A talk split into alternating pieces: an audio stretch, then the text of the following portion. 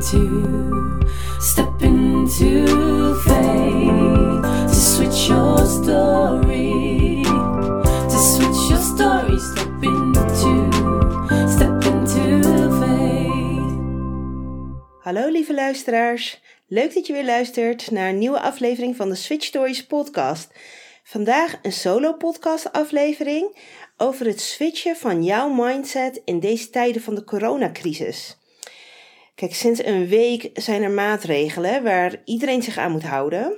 En naast dat we geen handen meer mogen schudden, vaker onze handen moeten wassen en afstand tot elkaar moeten houden, moeten we zoveel mogelijk thuiswerken, mogen de kinderen niet meer naar school en gingen onder andere de horeca en sportscholen dicht. Nou, hiermee worden we dus gedwongen ons aan te passen. Je dagelijkse routine wordt volledig omgegooid. En dat wat we zo gewend zijn, dat is nu niet meer. En hoe ga jij hier nu mee om? Afgelopen week merkte ik dat in mijn eigen omgeving er toch wel veel mensen zijn die deze switch in hun leven echt wel lastig vinden.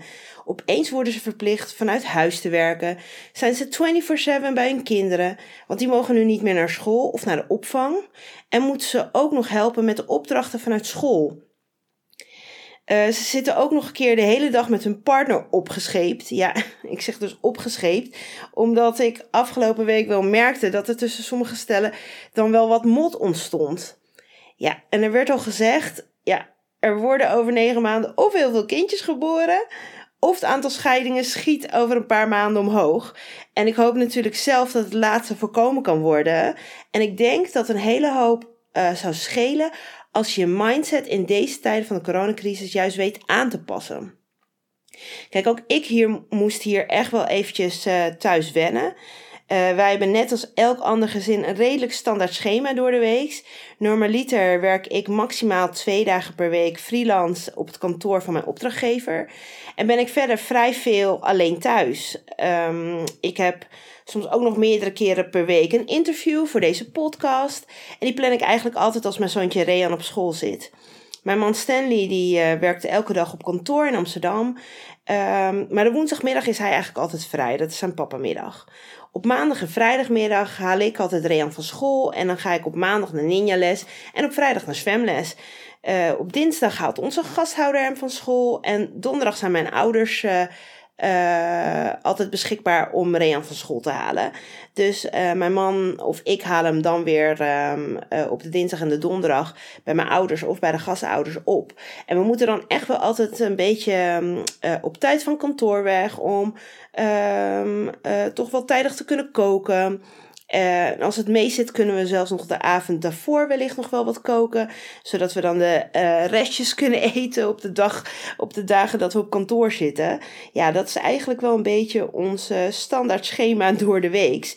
En ja, je hoort het. Um, dit is denk ik wel een beetje wat wellicht ook wel voor andere mensen heel herkenbaar is. Zo'n schema met uh, kinderen die uh, naar hun lessen moeten. En um, uh, je bent je huishouden aan het bijhouden. Maar ja, nu opeens zitten we natuurlijk met z'n drieën in onze woonkamer. Want um, ja, die kleine mag niet meer naar school. En ja, mijn man en ik proberen allebei ons werk vanuit ehm, huis te doen. Maar wel, ook terwijl Rean toch nog wel tussendoor constant komt vragen of wij hem kunnen helpen met een opdracht van rekenen of lezen en schrijven. Ja, en dan hebben wij tussen aanhalingstekens maar één kind. Andere gezinnen hebben er wellicht minimaal één of twee kinderen bij die dan ook nog entertainment nodig hebben. Ik snap echt helemaal dat het echt niet gemakkelijk is. Maar ik hoorde toch wel veel geklaag om mij heen. Alles in deze tijden dan ook nog een keer via WhatsApp natuurlijk. En um, dat werd eigenlijk een beetje mijn inspiratie voor het opnemen van deze aflevering. Want vooral in deze tijden, waarin al heel veel mensen het moeilijk hebben, omdat er in de omgeving mensen ziek worden, overlijden, ze hebben onzekerheid over hun baan, het wegvallen van hun inkomsten wellicht doordat zij door al deze maatregelen um, hun werkzaamheden helemaal niet meer kunnen uitvoeren, geloof ik echt dat je mindset je door alles kan helpen. En als je merkt dat ook jij in zo'n negatieve spiraal komt door alles wat er om je heen gebeurt, weet dan dat alles kan veranderen als je bereid bent om je mindset te veranderen. Nog maar een paar jaar geleden had ik wellicht op dezelfde manier gereageerd als de mensen waar ik het eerder over had. Ik liet me snel meeslepen door wat anderen zeiden. En in groeps WhatsApp gesprekken gaat dat natuurlijk ook heel gemakkelijk. Als er één is die zijn of haar mening heel duidelijk uit, is het zo gemakkelijk om daarin mee te gaan. En voor je het weet ben je eigenlijk al heel snel aan het zeiken. Want ja, laten we eerlijk zijn, wij Nederlanders kunnen dat ook echt heel goed hè. Maar de afgelopen jaren heb ik echt mindsetwerk gedaan. En dit houdt dus echt in dat ik echt anders naar mijn leven ben gaan kijken en naar de mensen om mij heen. En dat ik me echt heel bewust ben van de dingen die ik tegen mijzelf en tegen anderen zeg. In het geval van waar we nu met z'n allen thuis zitten, focus ik mij bijvoorbeeld echt op de positieve dingen. Ik vind het bijvoorbeeld heerlijk dat we nu ochtends niet hoeven te haasten om op tijd op school te komen. Ik vind het ook echt leuk om nu exact te kunnen zien wat Reon voor schoolwerk heeft en wat hij nu precies allemaal doet. Want ja, um, wij hebben een zoontje en die kleine die zegt echt, die vertelt echt heel weinig. En daarmee um, weet je eigenlijk niet precies wat hij eigenlijk elke dag op school doet. En ja, de juffen op school die doen op dit moment zo hun best om alles zoveel mogelijk online beschikbaar te stellen. Um, zodat de kinderen ook echt niet achter gaan lopen de komende weken. Um, daardoor zien wij ook echt precies wat er eigenlijk allemaal op school gebeurt en hoe ze ook bepaalde dingen uitleggen. Super leuk vind ik dat. En uh, wij mogen zelfs ook nog elke dag een kwartier met de juf skypen om ook nog vragen te stellen die we bijvoorbeeld hebben. Hoe fijn is het dan dat we in deze tijd leven dat alles ook echt online mogelijk is? En ik vind het bijvoorbeeld echt heerlijk dat ik een warme maaltijd kan maken voor de lunch als ik daar zin in heb. En dat we, kun, dat we op tijd kunnen beginnen met koken voor het avondeten. Dat we even niet in files hoeven te staan. Uh, en er nu even voor kunnen kiezen om in de middag even een rondje te gaan fietsen. Om wat frisse lucht uh, te krijgen. Dus als je er echt even bij stilstaat. En um, ja, dan zijn er namelijk ook wel gelukkig heel veel positieve dingen die er uh, bij deze maatregelen uh, komen kijken. Je wordt namelijk echt creatiever in de dingen die je samen als gezin wellicht onderneemt. Um, wij hebben in de avond bijvoorbeeld nu iets meer tijd over. En daardoor spelen we bijvoorbeeld wat vaker wat spelletjes. En afgelopen weekend hebben we besloten de muren op zolder te gaan schilderen. Omdat ik echt al jaren tegen echt vreselijk lelijk behang aankijk van de vorige bewoners. En daar hebben we de afgelopen vijf jaar echt niets aan gedaan.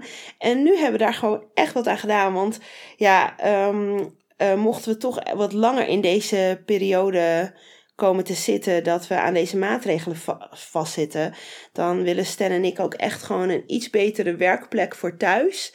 Dus uh, dat zijn we nu aan het creëren op onze zolder. Dus hoe fijn is het als je daar uh, nu gewoon wat meer tijd voor hebt?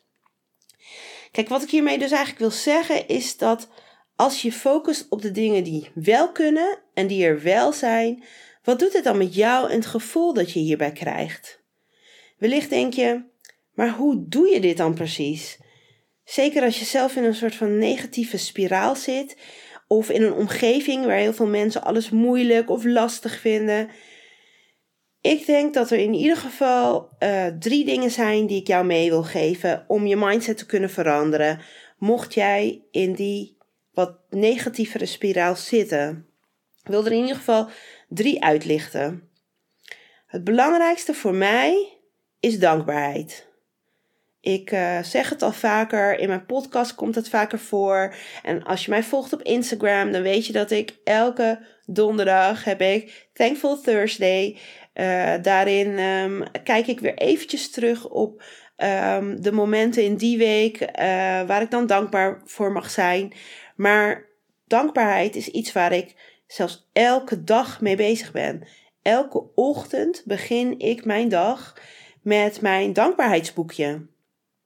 Daarin uh, schrijf ik uh, minimaal drie dingen op waar ik de dag ervoor dankbaar voor was. En um, dat zijn dingen zoals mijn goede gezondheid en de gezondheid van mijn familie en vrienden. Uh, maar ook dingen zoals de heerlijkste knuffels die ik altijd van Rean krijg. Of als Stan heel geduldig rekensommen aan Rean aan het uitleggen is. Maar ook dingen zoals dat de zon schijnt. Hoe fijn is dat? Dat de zon schijnt. En dat de dagen langer licht zijn. Of als mijn moeder weer eens lekker heeft gekookt. dat zijn echt van die kleine dingen waar ik dan heel dankbaar voor ben. En door ze op te schrijven ben je nog meer bewust en sta je gewoon net even stil bij die kleine positieve dingen die er allemaal in jouw leven zijn. Want in wat voor shit je wellicht op dit moment ook zit. En ik weet dat er heel veel mensen zijn die op dit moment echt in hele, echt, ja, hele lastige situaties zitten. Of heel, door hele moeilijke periodes moeten gaan. Uh, zeker als er uh, mensen in je omgeving overlijden. Maar als je focust op de positieve dingen in je leven en de dingen waar je dankbaar voor bent, dan, uh, ja, dan zijn er gewoon echt wel wat positieve lichtjes in je leven. Verder, nummer twee, wat ik met je wil delen. Luister echt goed naar wat jij tegen jezelf, je partner en je kinderen zegt. Welke woorden gebruik je? Zijn die positief of negatief verwoord? Gebruik je bijvoorbeeld veel: ik kan dit niet, ik ben niet goed genoeg, het is niet te doen, niet, niet, niet. Henry Ford die zei ooit: Whether you think you can or you can't, you're right. En dat is natuurlijk ook echt helemaal waar. Dat is echt iets waar ik volledig in geloof. Daar waar jij van overtuigd bent, dat is jouw waarheid. Ik heb hier ook echt een voorbeeld van. Want um, ik geef normaliter op zondagavond synchroonzwemtraining. Nu staat het natuurlijk even stil, maar de afgelopen jaar trainde ik uh, de seniorenmeisjes. Dat zijn meiden tussen de 18 en 30 jaar. Dus gewoon volwassen leeftijd. Maar ook zij hebben soms echt wat mindsetwerk nodig. Ik geloof er namelijk altijd in dat zij hun diploma's kunnen halen of goede prestaties neer kunnen zetten bij een wedstrijd. Maar sommigen zijn er gewoon echt heel goed in om zichzelf te saboteren met hun eigen tegengestelde overtuiging. Ze moeten dan altijd even aan zichzelf bewijzen dat ze meer kunnen dan dat ze denken. En um, zo waren deze meiden, die ik dus uh, afgelopen jaar trainde, um, zij uh, zwemmen dan uh, elke twee jaar een voor hun belangrijkste wedstrijd, de seniorenkampioenschappen. En um, afgelopen wedstrijd, dat was afgelopen november, werden zij als eerste gelood bij alle groepsnummers. En um, met die loting waren zij er volledig van overtuigd dat ze daarmee niet meer konden winnen. Niet meer die eerste plek of überhaupt een podiumplek konden behalen. En dan denk je natuurlijk, nou, dat slaat natuurlijk helemaal nergens op. En ja, dat is wellicht inderdaad ook wel zo. Dat, dat je kan denken, het slaat nergens op. Maar het is uh, synchroon zwemmen is een jurysport. En um, we weten uit ervaring dat het in het verleden ook wel zo is dat officials nog wel eens voorzichtig zijn bij het eerste nummer dat er gezwommen wordt met het geven van hun cijfers. En ze durven daardoor niet altijd bij de dingen die echt goed gaan, echt hoge cijfers te geven. En dat heeft nog wel eens in het verleden wel eens negatief uitgepakt voor meiden. En um, zo ook bij onze eigen meiden. En dat maakte dus ook dat zij dus nu volledig geloofde dat door deze loting ze uh, niet meer konden winnen. Het enige dat ik hen die middag gezegd heb is het volgende. Als jullie nu geloven dat jullie niet meer kunnen winnen door deze loting, dan is dat de waarheid. Ik geloof zelf dat als jullie je beste nummer ooit zwemmen, er een grote kans is dat jullie gewoon echt goede cijfers behalen. Het enige dat jullie nu kunnen doen is jullie beste prestatie zwemmen. En wat denk je? De meiden halen voor het eerst in onze synchroonzwemgeschiedenis de eerste plek bij de groepsnummers. Super trots was ik natuurlijk op ze. Maar ze hebben het wel zelf gedaan door echt goed te zwemmen. En zo wordt het onmogelijk in je hoofd toch mogelijk door te doen waar je gewoon goed in bent.